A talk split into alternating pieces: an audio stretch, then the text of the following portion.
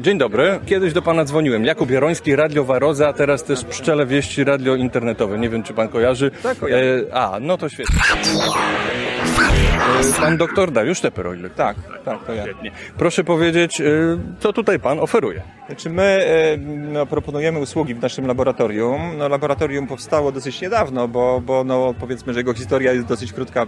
Od, od początku roku funkcjonujemy. No, mamy dosyć bardzo długie doświadczenie w badaniach produktów pszczelik i, i w analizie pyłkowej. Ja zajmuję się od, od ponad 20 lat analizą pyłkową miodów. Koleżanka zajmuje się od ponad 15 lat badaniami wosku pszczelego. No, dzisiaj będzie miała właśnie wykład na temat jakości wosku, wosku pszczelego. No i chcieliśmy zaproponować właśnie nasze usługi. No, jesteśmy jakby, e, powiedzmy, e, e, nasza działalność związana jest z tym, że mamy bardzo duże doświadczenie w tym, co robimy, czyli po prostu potrafimy poprawnie zinterpretować te wyniki, które, mm, które, które przekazujemy e, pszczelarzom.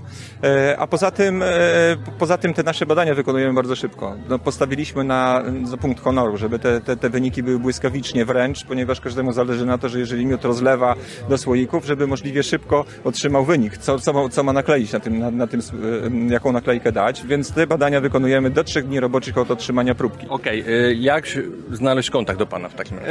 Znajdujemy się na, na, na mamy na stronie naszą stronę internetową, internetową.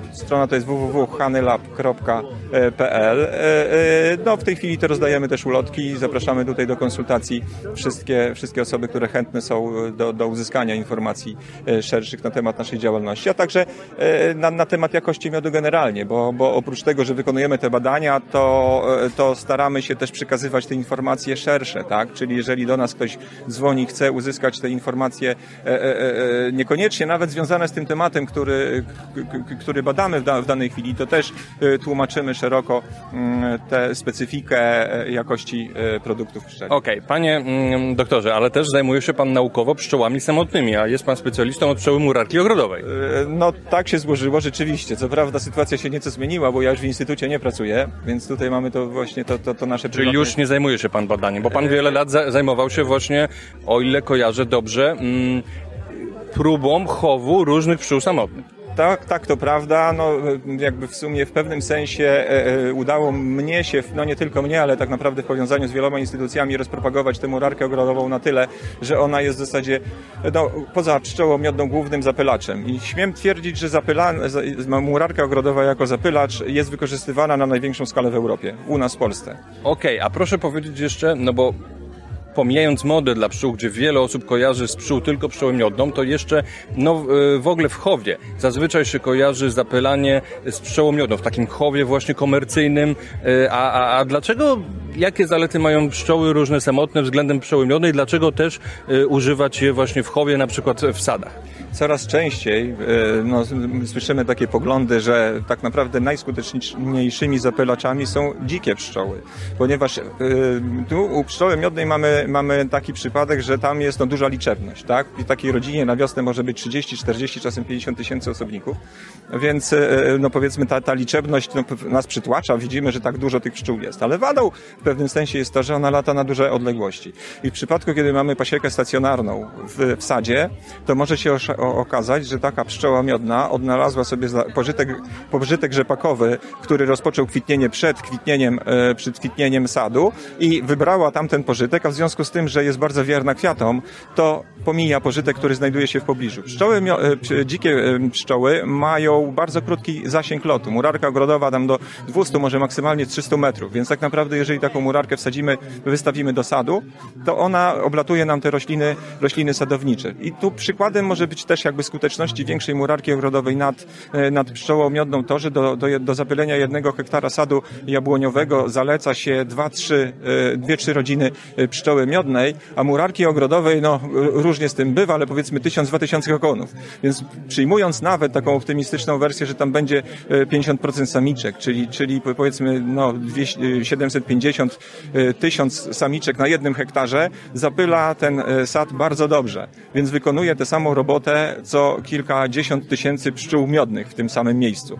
Więc jakby to też jest dowód. Poza tym jeszcze jest wiele publikacji naukowych, które mówią o tym, że e, bioróżnorodność w obrębie e, roślin uprawnych, no, głównie sadów, e, ma ogromny wpływ na, na skuteczność zapylania. Czyli wystarczy, że w pobliżu sadu będzie no, 8-10 gatunków różnych już bez analizy ich liczebności i wystarczy to, żeby, żeby ten sad był dostatecznie zapylony. Okej, czyli w różnorodności gatunków w danym siedlisku, w danym y, sadzie tkwi siła. Tak, właśnie tak, dokładnie tak. I właśnie bardziej powinniśmy dbać o to, żeby stworzyć warunki do utrzymywania się dzikich, e, dzikich e, e, pszczół, niż introdukować w pewnym sensie. Bo w tej... Nie tylko pszczół, bo nie tylko pszczoły, zapewne bzygi, czyli na przykład muchowate, a nawet są na, niektóre rośliny, tutaj pokazuję kolegę, bo on jest specjalistą od karaczanów, nawet karaczany, nie wiem czy pan kojarzy Zgadza takie się, oczywiście, że tak. Tu, no, tu, tu, tu nie można pominąć jakby całkowicie, tak. Tylko, że tu no, mówimy w pewnym sensie o takiej no, skuteczności y, przemysłowej, tak? Tak, tak, mówimy teraz o chowie, powiedziałem to jako ciekawostkę. A tutaj, jeżeli chodzi... Ale na pewno w jakimś sadzie, który ma no, pozostawione dużo starych drzew, jakichś takich e,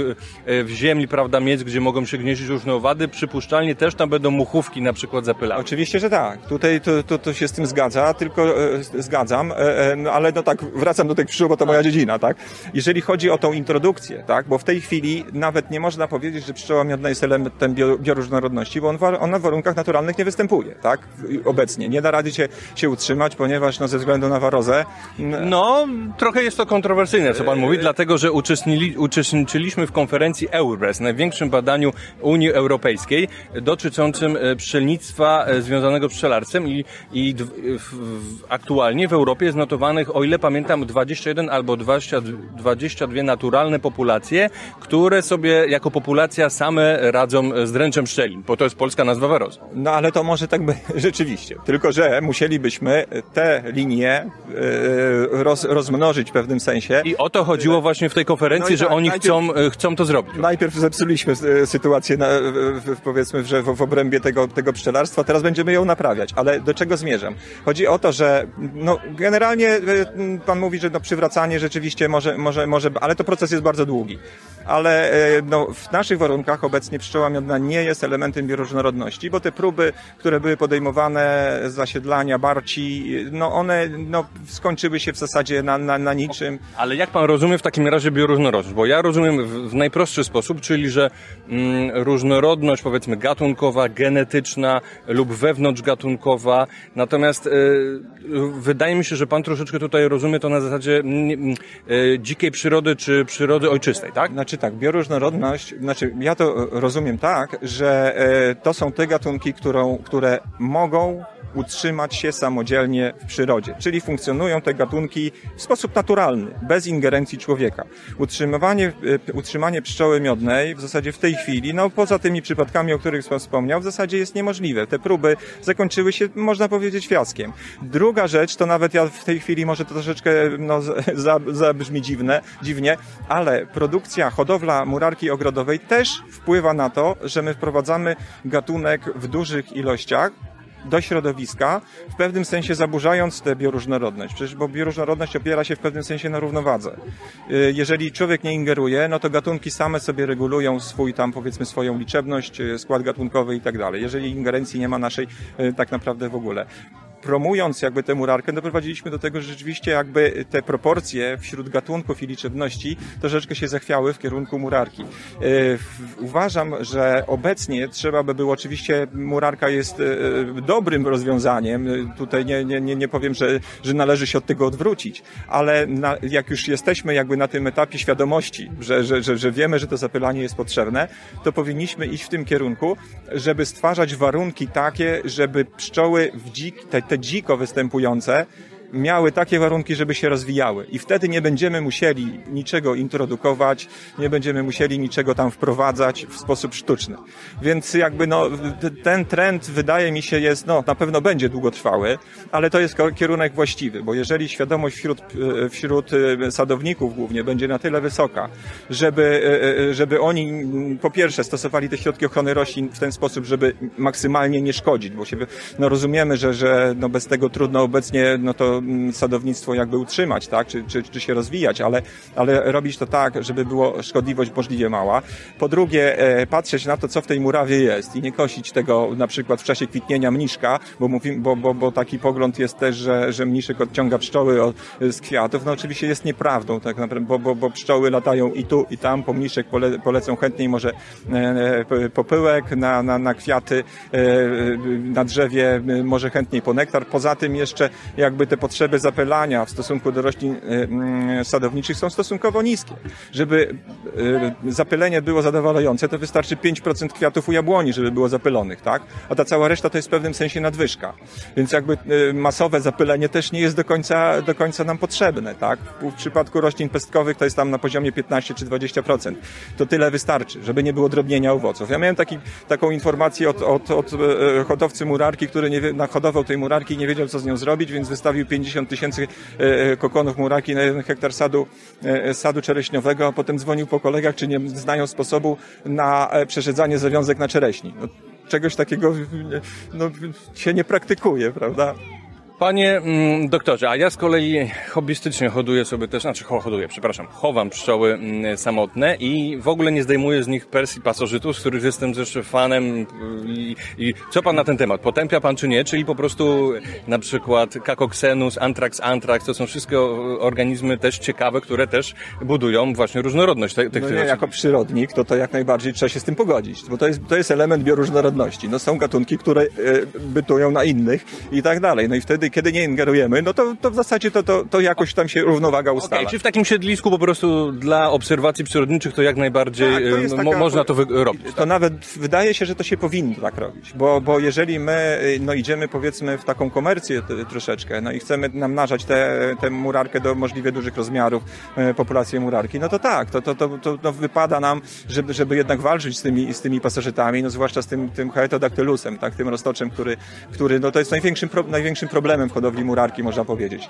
Więc e, w, w tych wypadkach no, z, z, tym się walczy, ale, ale e, też namawiałbym do tworzenia takich miejsc, takich w sumie no, hodowli ekstensywnych w pewnym sensie. Stwarza się warunki, bo to nawet, e, to nawet nie, niekoniecznie trzeba te kokony tam poddawać. Wystarczy stworzyć warunki dla, żeby rośliny pokarmowe były w danym terenie i dać miejsce do gnieżdżenia się tym owadom i one tam się pojawią. Dokładnie, wałczatki na przykład. Zresztą bardzo dużo jest różnych gatunków. Tak, oj, będziemy mieli tam różnorodność sporą i to, że, że, że zobaczymy, że tam jakaś osa nam się zagnieździła albo, albo inne tam owady e, e, weszły, to nie jest nic złego, tak? To, to, to też Dokładnie, zwłaszcza, że też osy są często kojarzone z tymi osami ziemnymi społecznymi, a tak naprawdę też jest dużo gatunków, podobnie jak pszczół.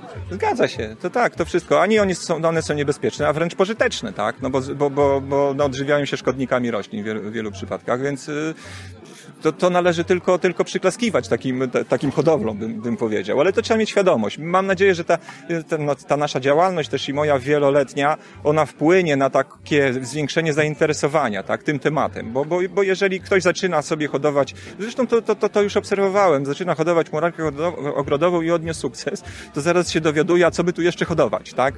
Ja bym tu od, jeszcze tak na koniec e, też, no jakby cała ta hodowla ma związek bardziej z tym, co jest łatwe w hodowli. To namnażanie murarki ogrodowej było możliwe dzięki temu, że hodowla była łatwa. Murarka była dość pospolita, więc nie było problemu. Hodowla jest sama łatwa, namnaża się łatwo, więc, więc populacje, populacje nam porosły. W innych przypadkach hodowle są dużo trudniejsze, więc y, tworzenie takich siedlisk, takich domków dla, y, dla owadów y, jest, jest no, dużo lepsze, można powiedzieć, bo liczebności tam ogromnej na pewno nie będzie, ale bioróżnorodność, czyli liczba gatunków na pewno będzie spora.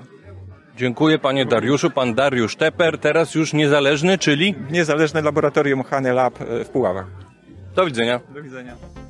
Cały reportaż ze Świętokrzyskiego Święta Pszczoły w 2021 roku znajduje się w moim takim bardziej pszczelarskim podcaście Pszczele Wieści, ale również na YouTubie. Radio Waroza możesz go tam obejrzeć w wersji wideo. Radio Waroza. Wszystkim patronkom i patronom serdecznie dziękuję i jak ktoś ma ochotę, to zapraszam, aby dołączył do tego grona. Zapraszam Cię na naszą stronę internetową www.warroza.pl Znajdziesz tam także opisy odcinków, ilustracje, skróty zagranicznych artykułów naukowych dotyczących pszczelnictwa i biologii owadów, a także różne inne ciekawostki. Radio Warroza.